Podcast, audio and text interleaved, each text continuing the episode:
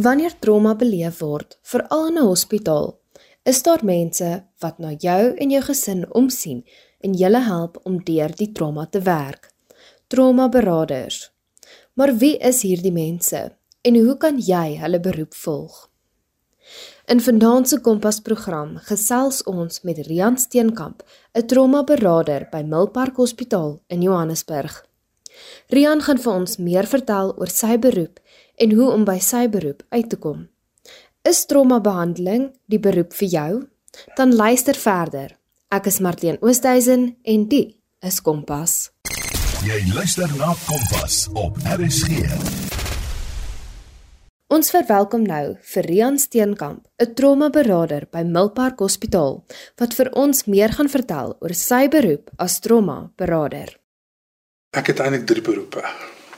Ek het begin swat, teologie begin swat en teologie klaargemaak en teologie gedoen. En uh, toe was ek vir 'n klomp jare voltydse dominee gewees in 'n gemeente.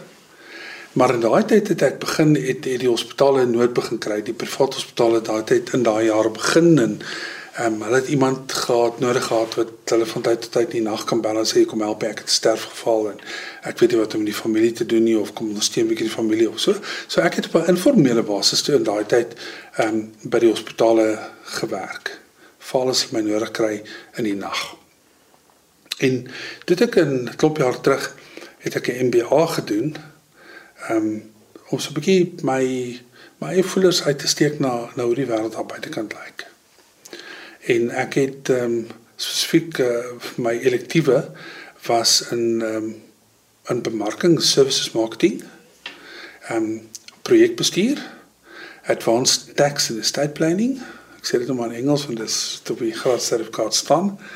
Ehm um, En dit was my dit was my my elektiewe wat wat eintlik 'n nuwe wêreld vir my vir my oopgemaak het. En so so op 'n op 'n deeltydse basis ehm um, help ek nog my vrou se praktyk ehm um, ook bestuur. So ek het my MBA gedoen en kort daarna het die Vrystaat Universiteit se Kimberley kampus my genader om vir hulle studente as deel van die oorbruggingskursus vir die BCom en BCom grade ehm um, ondernemingsbestuur te gee wat vir my 'n ongelooflike tyd in my lewe was. So 'n klomp um vibrant jong mense te sien en en te sien hoe hulle conference bou met van eintlik van niks af nie en en uiteindelik het my studente beter gedoen as die voltydse studente wat op kampus was. Um waaroor ek baie baie trots was. En toe ek later het ek um, vir Noordwes Universiteit se Kimberley kampus vir vir nie het ek vir hulle onderwysstudente um ondernemingsbestuur gegee. Totdat ons Johannesburg getrek het. Um en ek se bietjie hier meer in menslike hulpbron gaan dit was menslike hulpbron bestuurder vir 'n vir 'n maatskappy gewees, ek vir twee maatskappye. Tot ons hulle ontbondel het en verkoop het aan 'n aan swart bemagtigingsgroepe. En dit het weer by die hospitale begin betrokke raak.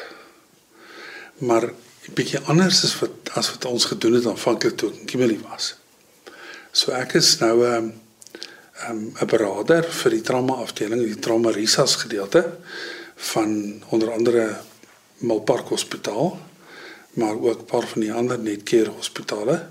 Ehm um, waar ek op 'n op 'n roep basis saam met se sewe ander terapeute werk 24 uur op 'n dag. Dis deel van van die hospitaal se akkreditasie as 'n vlak 1A fasiliteit wat die grootste op die kontinent is. Dat hulle 'n um, 'n beraader moet hê as deel van hulle span. En ek werk op hierdie stadium as ehm um, vir naweke in die hande werk ek as as beraader in in die trauma gedeelte. Sou jy sê dat die 'n uh, 'n beraader wees by 'n uh, hospitaal, was dit dan nou dink jy op die einde van die dag jou jou roeping en wat jy moes doen sodat jy teruggekom het daarna? Ja, dis dis interessant. Ehm um, die mense by die hospitaal weet ek se dominee nie. So ek is nie aangestel as 'n dominee en ons in ons doen ook glad nie geestelike werk per se by die by die hospitaal nie. Ek is ook die enigste in die groep wat 'n wat 'n dominee is. Maar dit het ook 'n verhaal gehad met my eie seentjie siek geword het ehm um, kort na geboorte en hy het baie groot operasie hier in Johannesburg beskry. En ons in daai gange gesit en wag het vir die intensief en ehm um, daar was niemand om ons by te staan nie en hy was bang en hy was verward en hy was moeg en en die een dag gaan dit beter, die volgende dag gaan dit slegter en dan gaan babetjies rondom sy bedjie gaan dood en daar's niemand wat daai mense ondersteun nie. Het ek op 'n op 'n stadium besef dis eintlik waar die evangelie grondvat. Is wanneer jy mense in daai vreeslike omstandighede in hulle lewe moet bystaan. En ek dink dit het maar net gegroei. Want ek toe terug en terug huis toe en aangegaan met my gewone werk totdat ek nou so 'n paar jaar gelede betrokke geraak hier by die hospitaal. So roeping ek sien nie roeping as 'n as 'n beroep nie. Um, en ek het net ook vir gesê, um, ons is ons is minstens vir drie totaal uiteenlopende loopbane ewig geskik. So op verskillende fases in mens lewe reken ek ehm um, kan jy verskillende werke ook doen sonder dat dit konflik met mekaar is. En op hierdie stadium in my lewe ehm um, voel ek ek ek voeg besondere waarde toe. Ehm um, met my pastorale werk op my my werk as beraader. So ek is steeds deeltyds dominee.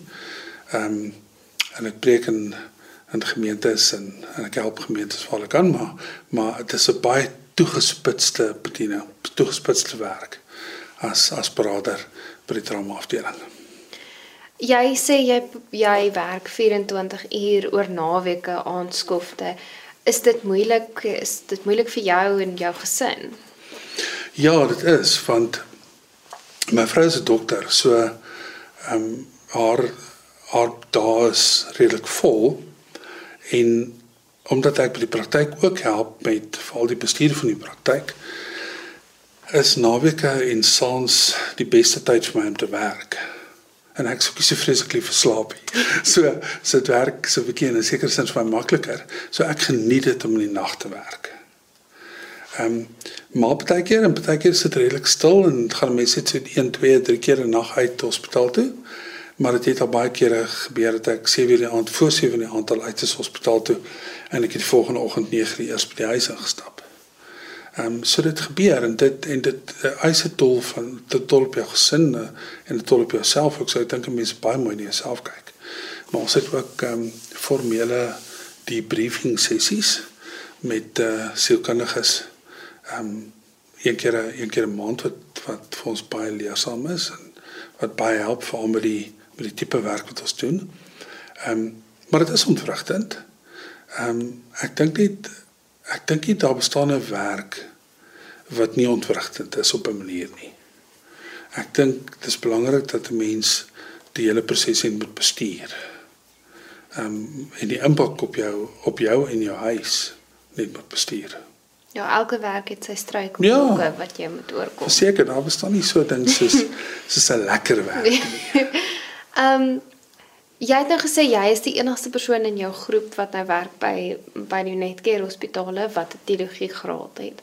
So wat's die ander maniere wat jy kan uitkom by 'n uh, beraader by 'n hospitaal? Hoe anders kan ek? Ek weet, ehm um, Potchefstroom Universiteit bied 'n bied baie goeie kursusse, beradingskursusse aan. Ek reken daar's van die ander universiteite wat dit ook aanbied.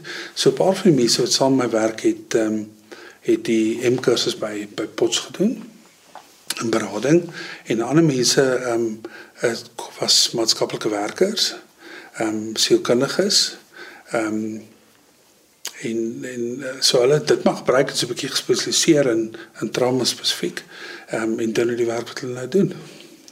Uh, wat is jou gunsteling deel van jou werk?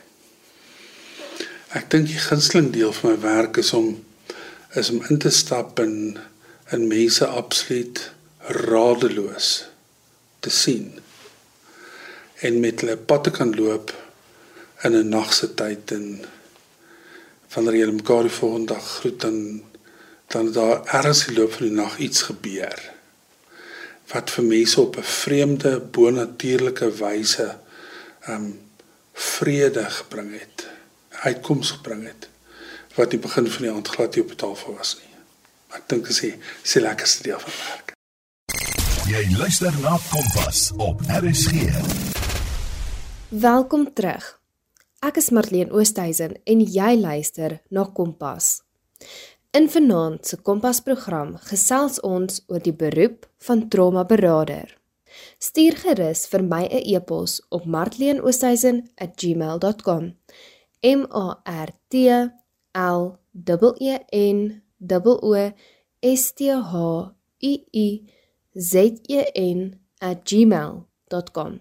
marleneoosthuizen@gmail.com of stuur gerus 'n SMS op RSG se SMS-lyn 45889 teen R1.50 per SMS.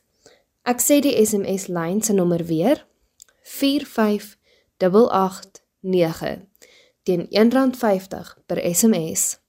Kom ons gesels verder met Rian oor sy beroep van trauma beraader by Milpark Hospitaal in Johannesburg. Kompas, jou loopbaanrigtingaanwyser op RSG. In die eerste deel van vanaand se program het Rian vir ons meer vertel oor trauma beraader as beroep. Hy het vir ons vertel wat hy studeer het en wat jy kan studeer om 'n trauma beraader te word. Hy het vir ons insig gegee oor sy werk, die lang ure en die slegste deel van sy werk. In die volgende deel gaan hy ons vertel van die goeie deel en hoe hy die trauma hanteer wat hy elke dag ander mense moet help hanteer. Baie dankie dat jy sover luister na vanaand se Kompas program en baie dankie aan Rian se wonderlike onderhoud. Kom ons luister verder. Kompas, jou loopbaanrigtingaanwyser op RSG. Hoe deel jy, as ek dit nou in Engels kan stel, self met die trauma wat jy ander mense mee moet help? By die hospitaal is sekere plan wat jy by kan werk of hoe doen jy dit? So die die hospitaal vereis net dat dat ons 'n definitiewe debriefing plan moet hê as as groep. Ek ek weet dat ek het ek het groot geword toe ek so oud soos jy was. Het die ouens my gesê nee, jy raak nooit emosioneel betrokke by by pasiënte of by jou kliënte nie. Ehm um, vir my werd dit glad nie. Ehm um, mense se seer gryp in my hart in. Ek staan baie keer by 'n hospitaal en daar lê 'n kind van 17, 18, 19 jaar op die bed en ek dink aan my eie kinders en en wat dit vir my sou gewees het as as hulle daar moet lê. Ehm um, so ek is betrokke as as mens, as dominee, as as as pa, as as medegelowige, as as medelydende by iemand wat so swaar kry. Maar die hospitaal is nogals baie streng daarop dat ons net vir die eerste 48 uur sien ons om na die pasiënte wat inkom en daarna oorhandig ons die pasiënte aan aan die spansielkundiges van aan verder met hulle werk in die hospitaal. So ons het gewoonlik na 48 uur nie meer nie regtig meer kontak nie. Ehm um, en baie kere wil 'n mens vra en en dan vra jy maar half op op 'n ompad manier hoe dit met iemand gaan. Ehm um, maar ek behou spesifiek ook omdat die hospitaal dit so verlang ehm um, hou ek nie kontak met mense na die tyd nie, maar dit dit lê maar na ons hart. Ja. Maar ek bedoel dit is deel van mens wees, nie? Natuurlik. Daar bestaan mos nie so iets in lewe dat dat mense met mekaar kan omgaan en in diepte met mekaar kan werk sonder dat hulle wesens deel van mekaar raak nie. Ek dink nog dat die Here dit so bedoel ook dat dat ons nie sommer net so oppervlakkig met mekaar moet omgaan nie. Ons mm. ons mekaar se hartseer word mekaar se hartseer. Ja, dit is nie robotte nie. Nee. Nou behalwe vir die vir al die hartseer waarmee elke dag ehm um, elke dag moet beleef en die lang ure en die die mekaar ure is daar enigiets anders wat jy voel sleg is oor jou werk? Daar is mense wat wat met hierdie verskriklikheid in 'n nag gekonfronteer word. Hulle stap môre uit mekaar se lewens uit en jy het geen beheer oor hoe dit verder met daai persoon gaan nie veral ehm um, kinders wat sterf en hulle ouers wat uitstap en dis ehm um, dis dis my baie baie sleg dat dat 'n mens voel iets meer wil doen maar jy maar maar jy doen dit nie. Ehm um, maar ek dink die slegste deel van of 'n slegte deel van my werk is om so baie keer by mense te staan wat wat geleenthede deur die vingers het glip het. Jy weet dan kom hulle daar en dan lê hulle geliefde op 'n bed en hy is sterwend of het baie seer gekry en en hoe, hoe maak jy dan reg? Wat wat wat maak jy dan? So die die die goeie spin-off van die sleg is dat ek 'n um, diepe waardering het van van 'n oomblik en regtig probeer om om 'n oomblik wat ek het um, te maak werk en dit spesiaal te maak. Al is dit hoe klein. Ehm um, jy weet al, al kom ek vanaand by die huis en ek en die kinders gesit op die mat en Lies gesit op die mat en ons en ons het sommer net 12 in die aand 'n midnight feast en of ons eet 'n bak roomys op of wat dit ook al is. Ehm um, spesiaal goed so dit. Dit is my baie belangrik. Is daar 'n spesifieke rede hoekom julle as die trauma uh, sielkundiges en en beraders die pasiënte moet oorgee na 48 uur? Gaan dit oor omdat die mense, die sielkundiges wat by die hospitaal werk, altyd daar werk en hulle kan spesifieke tye met hulle maak of wat is die rede? Ja, ek ek dink dit ek dink dit is dis tweelei. Ehm um, ons kontrak met die hospitaal aanvanklik was net omdat ek spesifiek in trauma resus werk. Met ander woorde daar waar die waar die mense inkom wat ehm um, wat maksimum sorg nodig het wat gewoonlik nie by 'n ander hospitaal gegee kan word nie. En dis almal mense wie se lewens bedreig word. So ek werk spesifiek daar en daar en, en na 48 uur dink ek dink die hospitaal se by homself dis miskien vir ons beter. Ja. Om ons 'n bietjie te onttrek want ons het die mense net hierdie eerste 48 uur gesien. Maar ook omdat ek dink ehm um, meeste van ons pasiënte is langtermyn pasiënte. Enigiets van 2, 3 weke op na 6 maande toe wat hulle in intensief lê. En omdat ons roteer en die sielkundiges nie roteer nie dink ek is dit makliker vir die sielkundiges om dan verder met die families en met die pasiënte te werk want hulle kan elke dag sien wat is as my skof verby is ek nie doen nie. Ek sien ek sien altyd by die hospitaal nie. Ons werk ons werk op rotasiebasis want jy raak ook obviously ook gemakliker met die sielkundige of met een persoon as wat jy nou elke ja. dag nuwe persoon nuwe storie. Ja, nee, maar ek weet ek dink ook eh, vir die, vir die pasiënte en families is dit soms goed om die hele proses, die hele gebeurlikheid op te breek in segmente van daai aanvanklike en die skok en die ontnigtering en in in die swaar kry en en dan begin 'n nuwe fase eintlik van van opbou. Ehm um, en dan begin daar weer 'n nuwe fase wanneer die pasiënt ontslaan word of na uh, na 'n ander vlak um, van sorg geskuif word vir 'n ehm um, vir vir verdere sorg. Ehm um, so ek ek dink dit is ook vir families en, en die mense goed om om dit so 'n bietjie van mekaar te skei. Het jy enige raad vir jong mense wat nou op skool is wat beroepskeuses moet begin maak soos graad 9 of graad 11? Ek sê altyd vir my eie kinders maak self wat hulle gaan doen nie. Hulle moet hulle so kan kwalifiseer dat hulle vir hulle self kan werk dat hulle vir hulle self werk kan genereer. Kyk, dit ek en jou ouers waarskynlik ehm um, julle ouderdom gehad het, het ons geweet jy jy gaan 'n bepaalde werk doen. En in baie gevalle het, het mense hulle hele lewens lank vir een maatskappy gewerk. Wat mos nou in meeste van die gevalle deesdae nie meer gebeur nie. So daar was nie meer so ding dat 'n mens begin as 'n kind in in in jy besluit oor jou loopbaan en alles wat wat verder kom en jy dink aan 'n maatskappy, 'n 'n groot corporate vir wie jy gaan werk. Ek dink daai tyd is vir baie kinders verby. Maar dit is nie noodwendig sleg nie. Ehm um, ek dink die Here het ons geseën met hierdie ongelooflike vermoë om werk te kan skep, werk kan genereer. En ek dink jy ons moet bang wees om om werk te skep nie en om werk te genereer nie en om van werk te verander as ietsie vir werk nie totdat jy iets kry wat wat jou hart is in daai fase. Om 'n student te wees deesdae is baie baie in die mode. Ons moet nooit ophou leer nie. En ek dink nog dit is belangrik. Ehm um, maak nie saak wat jy doen nie. Ek dink jy moet ooit dink aan 'n kwalifikasie en dink as jy die kwalifikasie het nou is dit oor nie. Ek dink 'n mens moet vroeg in jou lewe met jy daai kop skuif maak om te sê ek is 'n lewenslange student, 'n student van die lewe en en ek bekwam my vir waarmee ek ook al gekonfronteer word op 'n bepaalde fase in my lewe. So met jou werk wat jy nou al gedoen het en jou lewe tot op hierdie punt, wat is 'n belangrike lewensles wat jy nou geleer het wat jy wil deel as jy een wil deel?